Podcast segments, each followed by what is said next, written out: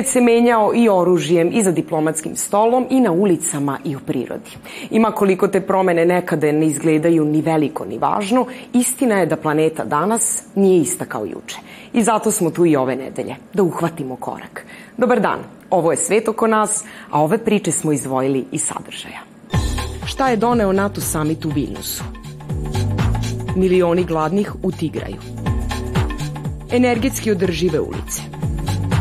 Južnoafrički ples otpora.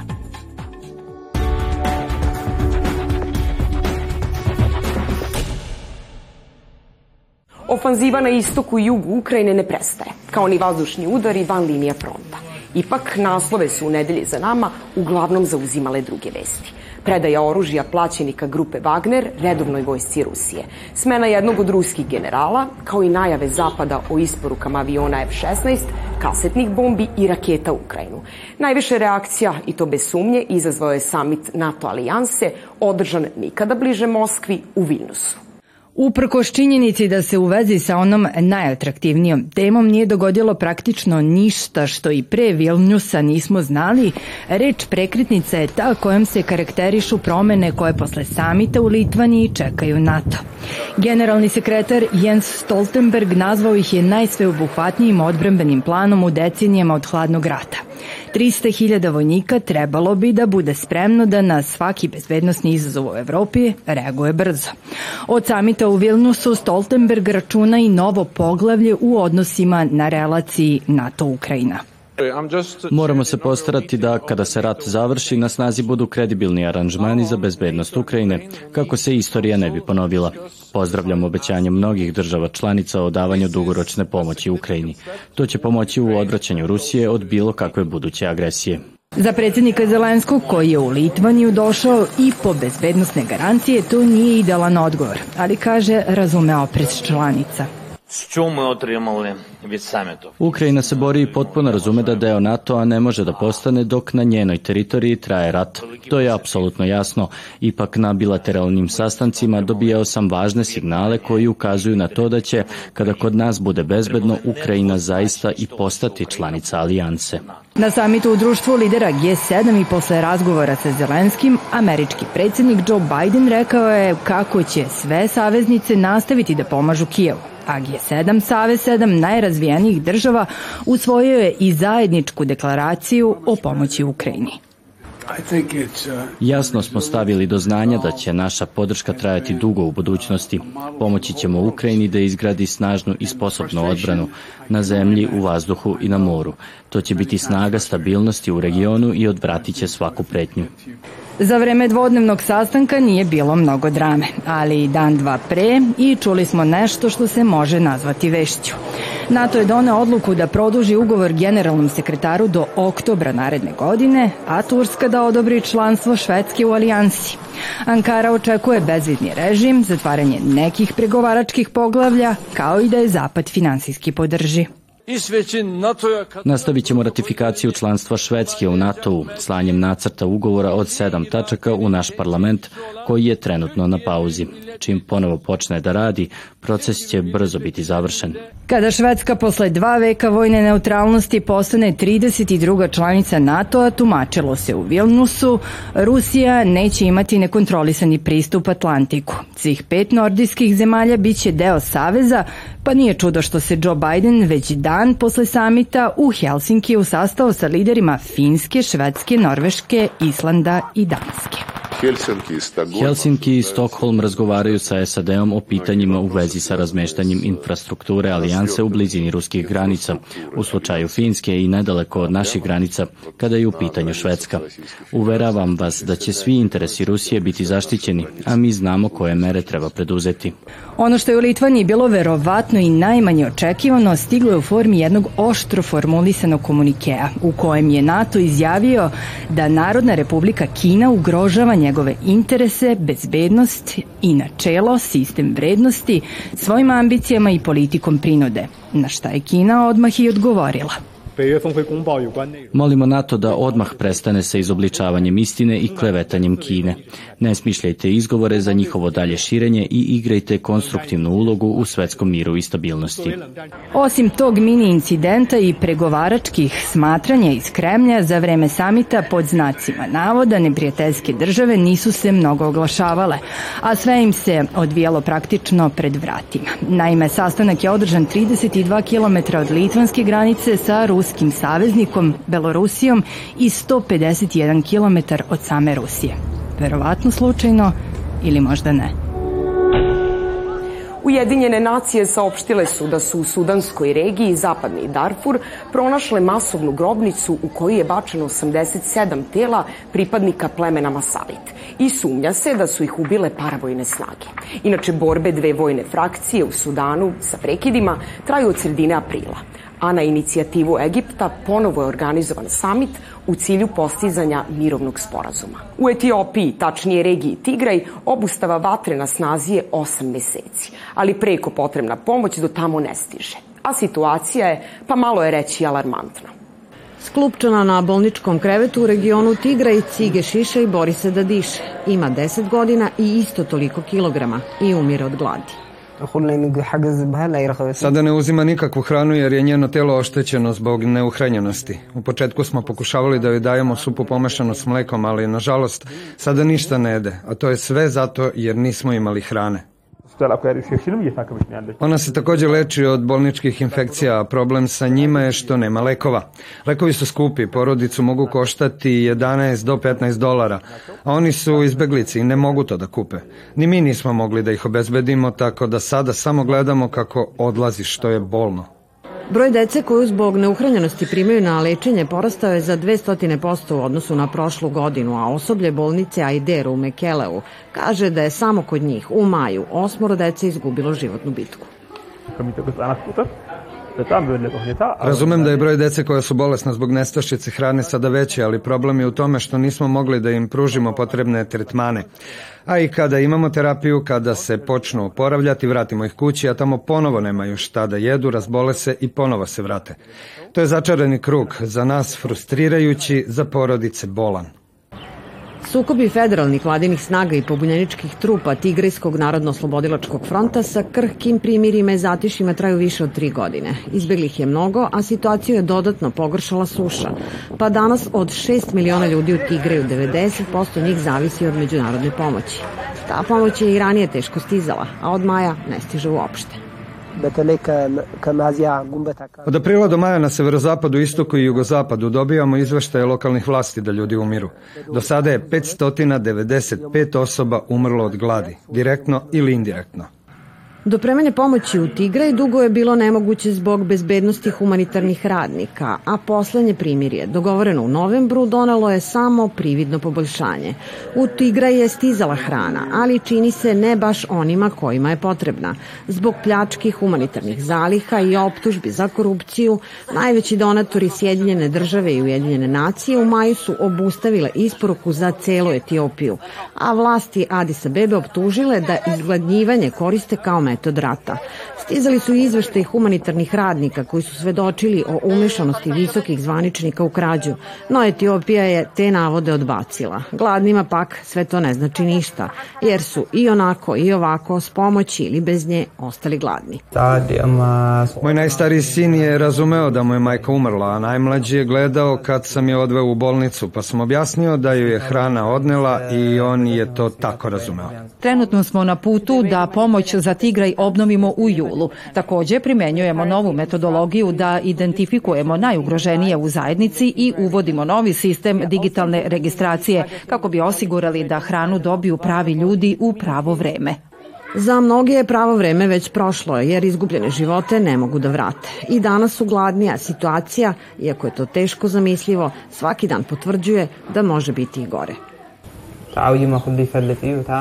Najveća briga su mi deca. Moja želja i sve moje molitve su da oni ne umru pre mene. Prva nedelja jula na planeti bila je najtoplija u istoriji merenja. tačnije od 1940. No meteorolozi su sigurni da se taj rekord može primeniti i na mnogo duži vremenski period. Nedelja za nama, bar u većem delu Evrope, bila još toplija ali tome smo i sami svedočili. Pa ćemo videti kako će to izgledati kada se sabere na globalnom nivou. Lokalno Španiju je zadesio drugi toplotni talas, a preko 40 bilo je i u Italiji i u Grčkoj. Sa druge strane, Johannesburg je osvanuo sa snegom, što je u tom delu Afrike redka pojava. U Aziji pak poplave. Indiju je potopio snažan monsun. Nastradalo je više od 20 ljudi, a zbog jakih kiša bile su zatvorene škole u New Delhiju dok je saobraćaj u mnogim mestima na severu zemlje bio u prekidu. Poplave takođe zbog jake kiše štetu su napravile Japanu, ali i preko okeana, u američkim državama New York i Vermont. Vlasti u glavnom gradu Montpellieru poplave su označile kao najgore još od uragana Irena. Stradalo je najmanje sedam osoba, a šteta se procenjuje na više od 750 miliona dolara. Bilo je užasno, a vratiti se kući zastrašujuće. Mi zapravo živimo na onom brdu gore i kad se popnemo, cela reka je zajedno sa drvima tekla dole. Plačem. Cela prodavnica je prevrnuta. Frižideri su posvuda. Zalihe koje su bile na policama sada su na podu. Sve je uništeno, a sumnjam u svoje osiguranje. Da li pokriva poplavu?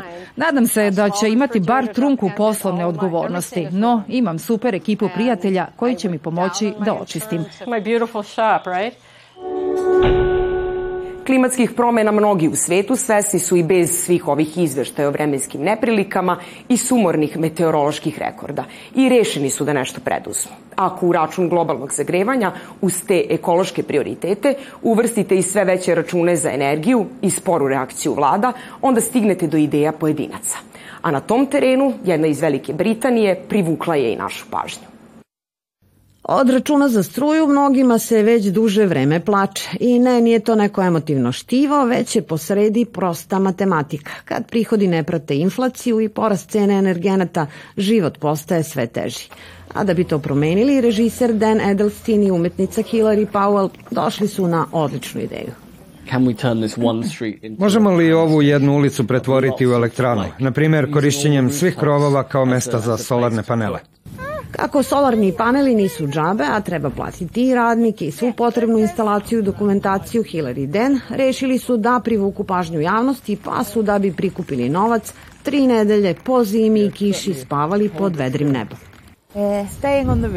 Spavaćemo ovde svake noći dok ne prikupimo dovoljno novca. Novac koji nam je bio potreban, a to je oko 113.000 funti, za prvi talas krovova prikupili smo tako što smo u novembru i decembru 2022. spavali na našem krovu. To će sad biti podeljeno na 40 kuća, toliko je u ovoj prvoj fazi. Za prvi talas i kompanija koja postavlja panele Octopus Energija rešila je da pomogne pa su panele postavljali po ceni koštanja bez profita, jer je i njima, kažu, bilo važno da ljudima pokažu da su promene moguće, a planeti preko potrebne. Zelena energija je jeftinija. Trenutno zeleni kilovat košta manje od običnog, ali je naša mreža loša. Način na koji je postavljena, svi troškovi koji nastaju da ona od trenutka proizvodnje zelenog kilovata iz, recimo, vetroturbine ili solarnog panela dođe do vas, to je mnogo skupo. Za razliku od komplikovanih tarifnika, račun je za korisnike i prve akcionare ulične elektrane bio i jeftin i jednostavan. Novac za instalacije nisu morali da izdvoje, a zakonskih prepreka nije bilo. Ova elektrana menja naše živote. Moje je promenila u potpunosti. Znate, toliko sam plaćala za struju, a sad će sve biti drugačije. To je briljantno, a činimo nešto dobro i za planetu. To je dobro za životnu sredinu, a drugo, ne mogu više da priuštim struju i mnogo će mi pomoći. Umoran sam, star, imam dvoje male dece, jedno na fakultetu, jedno na koleđu i ovo će biti sjajno. Mislim da i druge ulice žele da urade istu stvar i razvijamo sistem u kojem bi ljudi mogli da urade sličnu vrstu finansiranja. Nadamo se i da ćemo od jedne od velikih kompanija dobiti novac, da će ih privući ovaj koncept. Dan i Hillary nadaju se da niko više neće morati da spava na krovu kako bi se koncept energetski nezavisnih ulica proširio i to posebno ako je moguće u siromašnim četvrtima Londona poput ove njihove, gde je većina kuća iz viktorijanskog doba koja je zbog niske efikasnosti vrlo teško zagrejati, a astronomske račune potom još teže platiti. Hollywood je na ivici ambisa. Nakon scenarista koji su u štrajku od maja, na ulice su od četvrtka izašli i glumci. Pa se u predstavnici pokretnih slika već duže vreme malo šta snima. Pregovori sindikata i udruženja producenata su propali. Pre svega jer nije bilo sluha da se uvaži zahtev glumaca o bonusima za uspešne serije sa popularnih streaming servisa, poput Netflixa i Disneya, niti oni da im se plaća nadoknada poput one koju za reprize dobijaju od televizija. Jedna od važnih tema, koja je takođe ostala bez dogovora, jeste da se reguliše oblast veštačke inteligencije, jer, kažu glumci, postoji bojazan da kompjuterski generisani ili mrtvi glumci, kojima su računari dali glas i lica, sutra postanu zvezde. Producenti za sve ove zahteve nisu imali sluha, pa je crveni tepih zato zamenjen ulicom. A sindikat u kojem je 160.000 glumaca podržali su i oni sa takozvane A liste, poput Meryl Streep, Marka Rafaloa ili Jennifer Lawrence. Bez glumaca ne možete da snimate, ne možete ni da promovišete ništa što je veliki udar. Ne mogu čak ni promovisati ono što je već snimljeno, a još od 1960. nije se dogodilo da i pisci i glumci štrajkuju zajedno. Nama će biti od velike pomoći, jer znate, glumci su kolektivno mnogo jači od pisaca. Vi i idete da gledate film, jer recimo vaša omiljena zvezda igra, a prosečna osoba uglavnom i ne zna ko je to pisao. Prosečna mlada osoba u današnjem svetu sve teže može stići do nekretnine u vlasništvu. Čak je i najam mnogima preskup. A da bi to promenili, kineske vlasti ponudile su rešenje. Zdravo, dobrodošli u našu sobu. Ovde je naše kupatilo. Sa leve strane je radni sto mog dečka, a ovo je prostor gde ja obično radim. Kirija u hostelu je oko 500 dolara, što je za trećinu jeftinije čak i od takozvanih podeljenih stanova, gde u pregrađene jedinice često nestaje više od kreveta. Zato su mnogi pozdravili omladinske hostele, jer najam je preskup, a većina nema učešće za stambeni kredit. Za početak bismo morali potrošiti od 17 do 34 hiljade dolara samo za osnovni nameštaj i nismo hteli da idemo tim putem, jer bi nas najam na godinu dana koštao otprilike kao učešće za kupovinu kuće. Da bi iznajmili sobu u omladinskom hostelu ne smete imati više od 31 godinu, zarađivati više od 3200 dolara i imati ušteđenih preko 40.000 dolara. Takođe, da bi narednih 5 godina zadržali sobu, morate se obavezati i na 200 sati društveno korisnog rada godišnje. Kirije su možda činile polovinu prihoda u prošlosti, sad mogu biti više i za 30-40%. Pored toga, neki mladi ljudi su spomenuli koliko im znači to što štede vreme i troškove prevoza. Neki su na putovanje do posla trošili i hiljadu dolara, a sad mogu peške do posla, što im omogućava i više vremena za samo usavršavanje, učenje i slobodne aktivnosti. To može doprineti i njihovom mentalnom blagostanju. Kada je projekat počeo, u njemu je bilo samo jedan hostel sa 80 leževa, a plan je da se u okviru prve faze za pet godina obezbedi još 3000 kreveta. Deo mladih je zadovoljan, jer koncept nudi određene prednosti, no ankete pokazuju da većina njih, skoro 90%, nije. Ne planiraju da se prijeve, već prednost daju štednji za kupovinu sobstvenog stana. To možda nije dobro rešenje delom zbog obima, jer ne možete obuhvatiti dovoljno veliki broj mladih u Hong Kongu. Drugo, ako se omladinski dom predstavlja kao neka nova vrsta kolektivnog okruženja, rekao bih da neće svi biti spremni na takav aranžman. Muzika iz filmova Pirati sa Kariba i Mala sirena, kao i pesme Beatlesa, bile su važan deo playliste koja je odzvanjala sa zvučnika ispod čamaca na Floridi. Reč je o još jednom festivalu podvodne muzike koji je ove godine bio u znaku ekologije. A sve kako bi se naglasila važnost očuvanja jedinog koralnog grebena u kontinentalnom delu Sjedinjenih država. Ronioci, neki od njih obučeni u sirene, oponašali su sviranje instrumenta. Slika je bez sumnje privukla pažnju, a vidjet ćemo koliko se duboko i daleko čula njihova poruka. Potvrda da ritam i melodija mogu biti više od pukog uživanja ili estetike stigla nam je i iz Afrike. Gospodin po imenu Tato Kofela, ples Panculu, simbol južnoafričkog crnačkog kulturnog nasleđa i otpora prema apartheidu, prvi put izveo još kao dečak. Danas on radi na tome da se ta tradicionalna igra iznese i na svetsku pozornicu. Energična i sinhronizovana igra brzih koraka i sa specifičnim ritmom nastala među omladinom Crne puti u naseljima oko Johannesburga u vreme režima apartheida, koji je završen 94. godine prošlog veka, Pancula je postala sredstvo za izražavanje društvenog i političkog otpora. Koreografija uključuje pokrete koji oponašaju metenje, igranje kockicama i različite pozdrave. Reflektuje svakodnevna iskustva crnih južnoafrikanaca i ujedno pruža im kod koji izvođači mogu da koriste za komunikaciju na jeziku državne policije nerazumljivo. Danas 34-godišnjak voleo bi sve to ponovo samo ako je moguće bez policije. Mladi samo sede i ništa ne rade, pa im to onda dosadi, pa počinju da se upuštaju u drogu i alkohol. Baš to pokušavam da sprečim. Ja sam imao sreće jer su ljudi izdvojili vreme da me sklone sa ulice, prepune kriminala i narkotika.